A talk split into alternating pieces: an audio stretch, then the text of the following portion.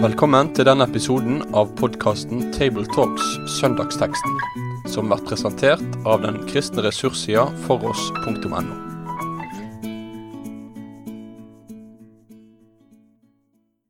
Ja, velkommen til en ny Tabletalks.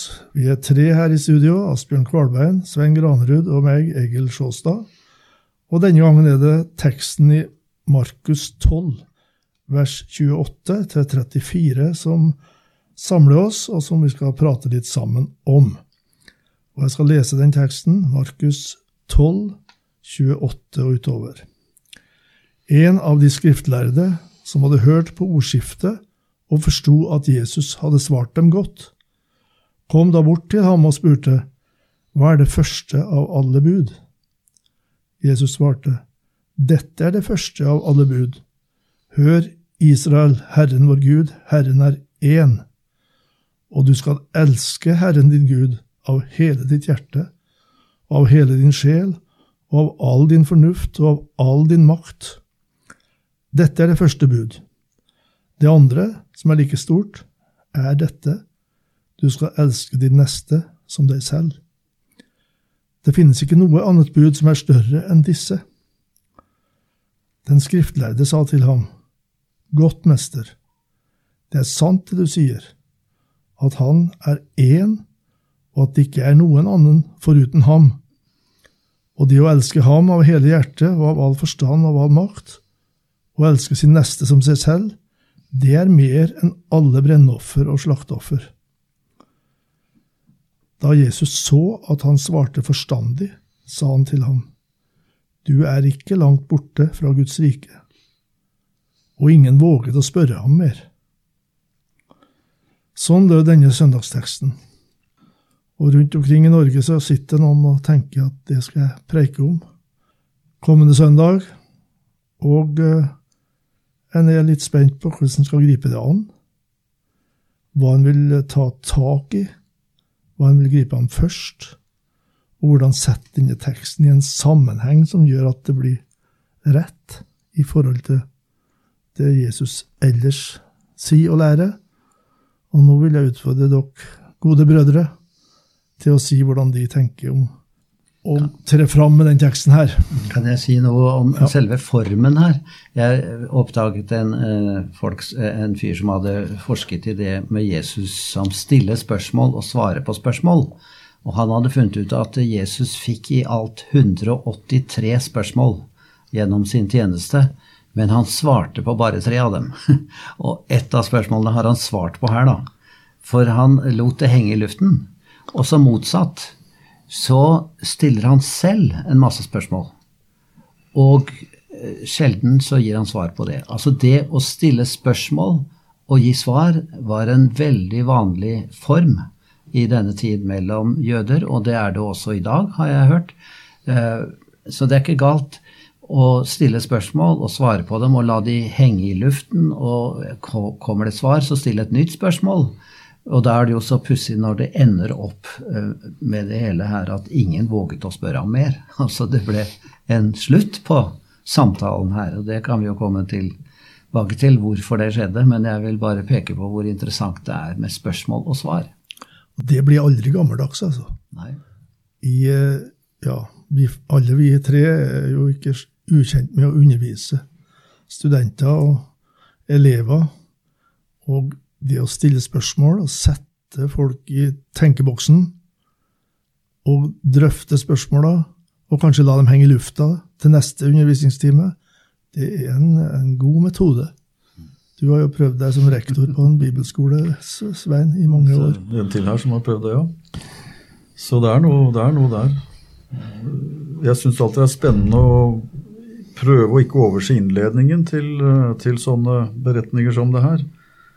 Uh, og Jesus har jo nok en gang da vært i klammeri eller i samtale med noen av jødenes ledere. Her er det sadukere også som har vært i forkant.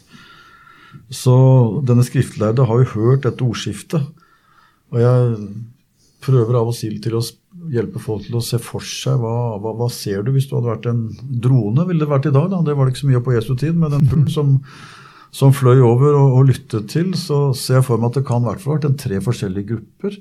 Kanskje nærmest så sto uh, Jesu disipler sto liksom mm. halvveis rundt han. De hørte og nikket og var veldig spent på hva Jesus Klarer han å svare godt for denne gangen også? De ble vel mer og mer trygge på det etter hvert. Og sånn, og håpet at han skulle vinne noen for, for seg og sine. Og så var det de han var i konfrontasjon med. da. Og responsen sånn kan jo se ut til at uh, noen vil høre mer om dette. Det var noen som ville da Paulus underviste, og det var vel noen som også ble litt sånn uh, i Jesu, ikke fanflokk, men i hvert fall sånn at de ville høre mer. Og så er det noen som vender ryggen og sier at nei, dette, dette, dette bryr vi oss ikke noe om. Mm. Og så er det dem som går i konfrontasjon med ham. Mm. Så mange grupper. så Kanskje er det litt sånn nå. Og så kan vi jo spørre hvor ville du ha vært hvis du var blant den flokken som sto mm. der? Ville du stått sammen med Jesu disipler? Ville du holdt deg litt på avstand og sett hvordan dette ender? Eller ja, hvor hadde du vært når sånne spørsmål stiller? stilles? Kanskje ikke sånt? Jo da, og her er det jo eh, en sammenheng hvor det er en masse samtale om vanskelige spørsmål. Og som du sier, eh, de var sikkert spent på hva Jesus svarte, og noen la felle for han. Men det interessante er jo at Markus gjengir akkurat i dette avsnittet en, en, samtale som har en veldig god tone, kan vi si. Mm. Det er en god ånd. Det er ikke noe eh, pigger og noen ting. Mens Matteus gjengir samtalen, og da har du mer av en litt fiendtlig atmosfære. Så det er vel sant begge deler, og det ble kanskje også oppfattet forskjellig av de forskjellige evangelistene. Den fore, foregående samtalen, den var nok mer spiss. Ja, den var jo ja. det. Så dette varierer, det. Men, men, det er altså flott at en ærlig mann stiller et ærlig spørsmål og får et ærlig svar. Det, det syns jeg en, en, får fram her. Eh, men det som jeg syns også er interessant, er at eh, det gode svaret Jesus gir her eh, på hva som er det viktige, det første bud, det er jo kjent som eh, jødenes trosbekjennelse fra gammelt av, fra 2. Mosebok 20. Eh, men så kobler han til det andre, at du skal elske Herren i Gud og de neste som deg selv. Det er jo fra 3. Mosebok 19, og jeg har lest at det er første gang at noen kobler dette sammen. Det med å elske Gud og det å elske sin neste. Så det er alltid spennende ting med det Jesus legger fram. Uh, og Matteus, uh, nei, Lukas gjengir jo også dette, og svaret på dette med hva er min neste, hvem skal jeg elske da? Da kommer jo lignelsen om den barmhjertige samaritan.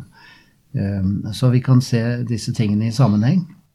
Ja, og jeg tror at også i Det gamle testamentet så vil det å elske Gud innebære noe konkret i forholdet til sin neste, selv om det budet i sammenhengen i Det gamle testamentet ikke direkte tilføyer 'du skal elske din neste som deg selv'. Jeg fant noe i 5. Mosebok 10, der formuleringen 'du skal elske ham og tjene Herren din Gud av hele ditt hjerte og hele din sjel', den, den, eh, det føyes til 'så du holder Herrens bud' og hans lover, Altså kjærligheten til Gud, det første budet, det avhenger eller får som følge at du holder Herrens bud, og lenger nede står det hjelper den farløse og enken til deres rett, og elsker den fremmede, så han gir ham mat og klær.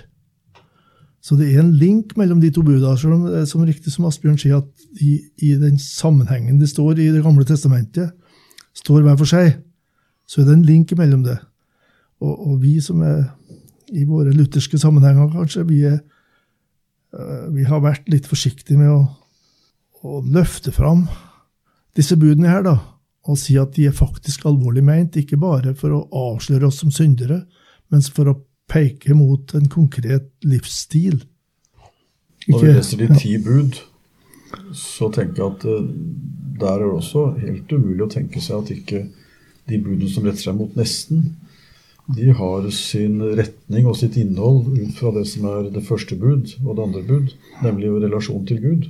Mm. For hvis ikke, hvis ikke, de to innledende budene hadde vært der, så ville dette kun blitt uh, en type moral. Mm. Det er nettopp det første og det andre budet som gjør at også de budene som retter seg mot nesten, fra vers fire og utover, at, at de, de, får et innhold som blir noe helt annet enn om de første budene ikke hadde vært der. Så jeg tenker at du har mange bekreftelser på det du sier her, at det må være riktig. Ja. Men, men, dette med å elske Gud så ettertrykkelig som det er sagt her, med hjerte og sjel og forstand og kraft og styrke eh, Jeg lurer på hvorfor må Jesus si det, eller Gud si det så sterkt og uttrykkelig? Og bruke så mange uttrykk, og er det veldig forskjell på disse uttrykkene, egentlig? Er det sagt vesentlig retorisk for liksom å si eh, helhet, eller ligger det en nyanse i det? Jeg vet ikke, men for meg så er det liksom stadig nye strek under samme sak. Mm. Det med hele oss.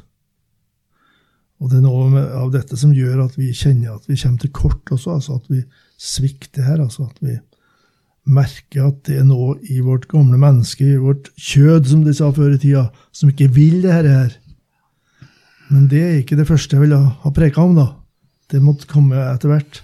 Men her er det noe med kallet til å overgi seg til Gud, og dermed overgi seg til sitt medmenneske. Nei, altså jeg sier til folk, jeg tror jeg, når jeg preker, at det å kommandere til kjærlighet det er det mest håpløse du kan gjøre. Jeg kan ikke skjønne hvordan du kan kommandere noen til å elske. Det, det er en helt umulig ting. Og det, det, har ikke jeg lyst til å prøve å gjøre en from utgave at vi kan ta oss veldig sammen og elske. Så uansett hvor uh, lite vitenskapelig det er ut fra å holde seg til ett og ett skrift av gangen, så hopper jeg rett over til uh, eh, 1. Johannesbrev, kapittel 4, vers 19. For der står det 'Vi elsker fordi Han elsket oss først'. Og jeg tenker at Det gis ikke noe grunnlag for oss å forkynne i vår kontekst, vår sammenheng, budet om å elske hvis ikke vi samtidig forkynner at den kjærligheten den eh, må ha sitt opphav at vi først elskes. Hvis ikke så blir det tross alt vi godt vi må kunne si om både respekt og frykt for Gud, så blir det et håpløst prosjekt. Det er jo sånn moteord nå, vet du, å snakke om skjerpings. Skjerpe deg. Mm. Og det, det er jo det du sier. At, eh, ja, men du sier jo egentlig at det må skapes av Gud, og du må ikke tenke på at du stadig skal skjerpe deg og ta deg sammen. Eh, men samtidig så er Guds ord både lov og evangelium. Det taler til oss, eh, til vår samvittighet og vårt delte hjerte. Mm. Det er jo Hjertet er jo kilden for vårt åndelige liv. Og samtidig kan vi hvile i at han skal gjøre det, altså. Det som ikke vi får til. Det er noe med loven og evangeliet som måtte må virke sammen, sånn som vi mm. lærte i sin tid. Egentlig var det jo det som skjedde i det gamle Israel også. altså Når Gud ga dette budet, så står det som en motivasjon i 5. Mosebok 10, 15. Men bare dine fedre har Herren lagt sin kjærlighet på, så han elsket dem. Og dere som er deres etterkommere, utvalgte han framfor alle andre folk, slik at han kan se det på denne dag. Og så kommer utfordringen til å la denne Guds bud bestemme livet. Du er elska av en Gud, du er utvalgt av Gud, og vi skal forkynne det Eh, i Det nye testamentets lys. da. Vi som tror på Jesus, vi er valgt ut, vi er elska, vi har tatt imot den kjærligheten som Gud har til verden. Og der ligger det en motivasjon til å, til å leve etter Guds vilje. Det er veldig ofte profettekstene, både når de formaner, men også når de gir løfter, det begrunner det i utvelgelsen. Som du, ja. du, du brukte mm. også. Og utvelgelsen er vel kanskje, uten at jeg sjekka det i forkant nå, sentralordet på det som er på en måte utspillet når, når de formanes og veiledes i Det gamle mm. testamentet. De er utvalgt av Gud. Og så hender de drar litt av historien for å minne dem om både utvelgelsen av Egypt og ting Herren har gjort. Og det er jo sånn sett et forskuddsuttrykk for det som Johannes skriver om i sitt første brev. At han har, hva kjærlighet er, vet vi av at han har sendt sin sønn for å sone våre synder. I den gamle pakt så hadde de også Guds kjærlighet synlig blant seg. Både i kraft av det han hadde gjort, gjennom å utfri den, gjennom det han møtte dem i i offerpraksisen som de fikk gå inn i, og få forskuddsvis av Jesu forsoning også der. Så loven og evangeliet er i den gamle pakt også. Vi må ikke glemme det. Men også der var Gud først ute. Vi elsker fordi han elsket oss først. Det gjaldt Israel òg. Mm. Så jeg ville nok hatt med i en, eh, en, tale her at vi må lære oss å tenke litt annerledes om kjærlighet. Hva er det? det er Guds handlinger. Det må starte der hva han har gjort, som du pekte på, både i Gamletestamentet, utfrielsen fra Egypt, og, og, så det store på korset og oppstandelsen. For uh, det gjelder jo også våre, vår kjærlighet til vår neste det er, kan teoretiseres veldig mye og gjøres til følelser, men det skal vise seg i en slitesterk hver, hverdagstro, som gjør også det skitne hverdagsarbeidet som må til overlangs, som ikke alltid skaper de gode følelser fordi det er så krevende. Men slik skal kjærligheten vise seg, slik som den barmhjertige samaritan opplevde det. Og da er det mange linker til problemstillinga i vår samtid da, som man kan aktualisere teksten med, for, for de troende i hvert fall. Eh, det som jeg leste fra Femte Mosebok, der er det konkretisert ved farløse, enker og fremmede. Og fortsatt er det tre kategorier som i, i vid forstand i hvert fall da, er tett på oss. Og det å være en kristen og vise kristen kjærlighet, det, det handler om å møte medmennesket i dets nød og i dets smerte, uansett hvem det er. Og Konteksten i 5. Mosebok var at du, du skal ikke hevne deg. Altså Til og med dem som uh, har vært ond imot deg, skal du elske. Og da begynner det å spisse seg til og vi nærmer oss bergpreka hos Jesus om å elske sine fiender. Men hvordan ville du ha sagt, Asbjørn, til, til, denne, til de som spør, da, hva, hva var det som mangla? For det var jo det som denne uh, skriftlærde her uh, gikk ifra Jesus å ha som den siste i sitt øre, da. Du er ikke langt borte fra Guds rike. Ja, jeg vet ikke riktig hva jeg vil svare på det. det han, han, ble jo imponert og syntes Jesus svarte klokt, og det var gjensidig anerkjennelse. Og eh, det var nok noe med det at denne eh, mannen ble slått ned på det at dette er jeg ikke helhjertet på. Altså verken å elske Gud eller min neste. Eh, de ble på en måte satt fast, og det er omtrent som da Jesus sto foran denne kvinnen som var grepet på ferskgjerning i hor. Altså, de, de, hadde ikke noe mer å si. De ble rammet. Dette treffer jo meg så godt, og gikk stille bort. Så jeg tror det er noe av det som skjer her. Men, men, vi må snakke litt konkret om dette, hvordan vi viser kjærlighet i dag. For det er jo et problem når vi, i hvert fall i en storby som Oslo, treffer på tiggere overalt. Eh, hva skal vi gjøre? Eh, hvordan kan jeg hjelpe mennesker? Det som du nevnte, Egil, var jo da eh, mennesker som egentlig har mista viktige relasjoner. Eh, farløse mm, osv. Ja, ja. Ensomme. Og det er ikke gjort over natta. Det, det kan være du må på en måte elske dem i et fellesskap. Du kan ikke bare elske at jeg begynner å, å elske ei dame på gata som er tigger. Altså det er jeg må få rett og slett bruke min forstand, som det er nevnt mm. her, til å tenke hvordan ville jeg bli hjulpet? Hvordan ville jeg ønsket meg kjærligheten fra andre mennesker? Og så bruker vi den tanken til virkelig å komme mennesker i, i møte. Det syns jeg er den store utfordringen i dag. Å praktisere dette i vår, eh, vårt kalde og mm. teknifiserte samfunn. Ja, det er krevende. Ville du ha brukt mye tid på kristen etikk når du skulle preke over den teksten her? Det kan godt hende. Det kommer jo alt an på sammenhengen. Eh, akkurat nå sitter jeg og tenker på at jeg tror jeg ville brukt litt tid på å elske seg selv. For det står det jo om her som et premiss, faktisk. Og vi hopper ofte over det, for vi, de har liksom en tanke om at elske seg selv, det, det er noe negativt. Det kan ikke jeg begripe at det er her, for da hadde det ikke vært satt opp som det sammenligningspunktet med å elske andre. Mm. Uh, og jeg støter på mennesker som ikke er glad i seg selv, uh, og som trenger hjelp til å bli, elske seg selv på den rette måten. Og så kan du støte på noen som elsker seg selv på en måte som jeg tenker det er ikke sånn du skal elske deg selv. For også mitt forhold til meg selv må jeg få i møte med Gud. Altså det blikk på meg selv som gjør at jeg både ser at jeg er en hjelpeløs synder, men også den som jeg ser er en Guds skapning, som Gud har elsket inn i et liv med Jesus. Da får jeg se på meg selv med det blikket. Og du nevnte én kvinne, for jeg lover å nevne en annen. Den samaritanske kvinne hun gikk ut av byen for å hente vann som en, en, som så seg selv med andres øyne ikke noe verdifull. I møte med Jesus fikk hun både se ham, men også fikk se seg selv i et nytt lys. Og så gikk hun måtte dele det med andre, for hun måtte dele med andre det hun hadde fått. Så jeg synes, jeg tror jeg skal innom den, det poenget også når jeg taler om den teksten her, når det brukes som premiss på kjærligheten til andre. Jeg må få det rette forhold til meg selv.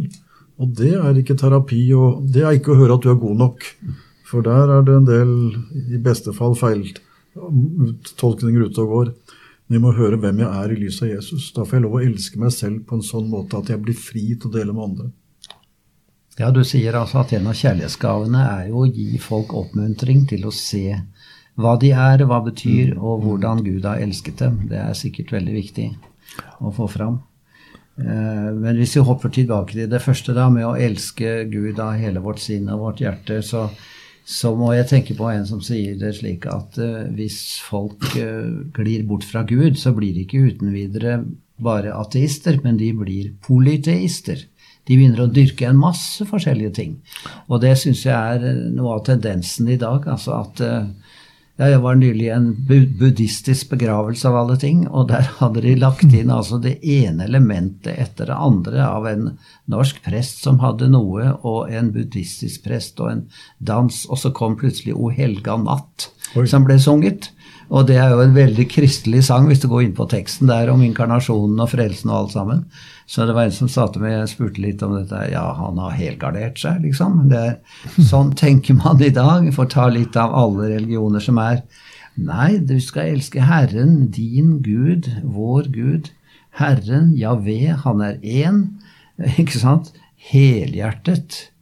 For uh, her kan vi komme til å gli inn i veldig mye rart i den tid vi lever i. Det tenkte jeg er viktig å si noe om. altså.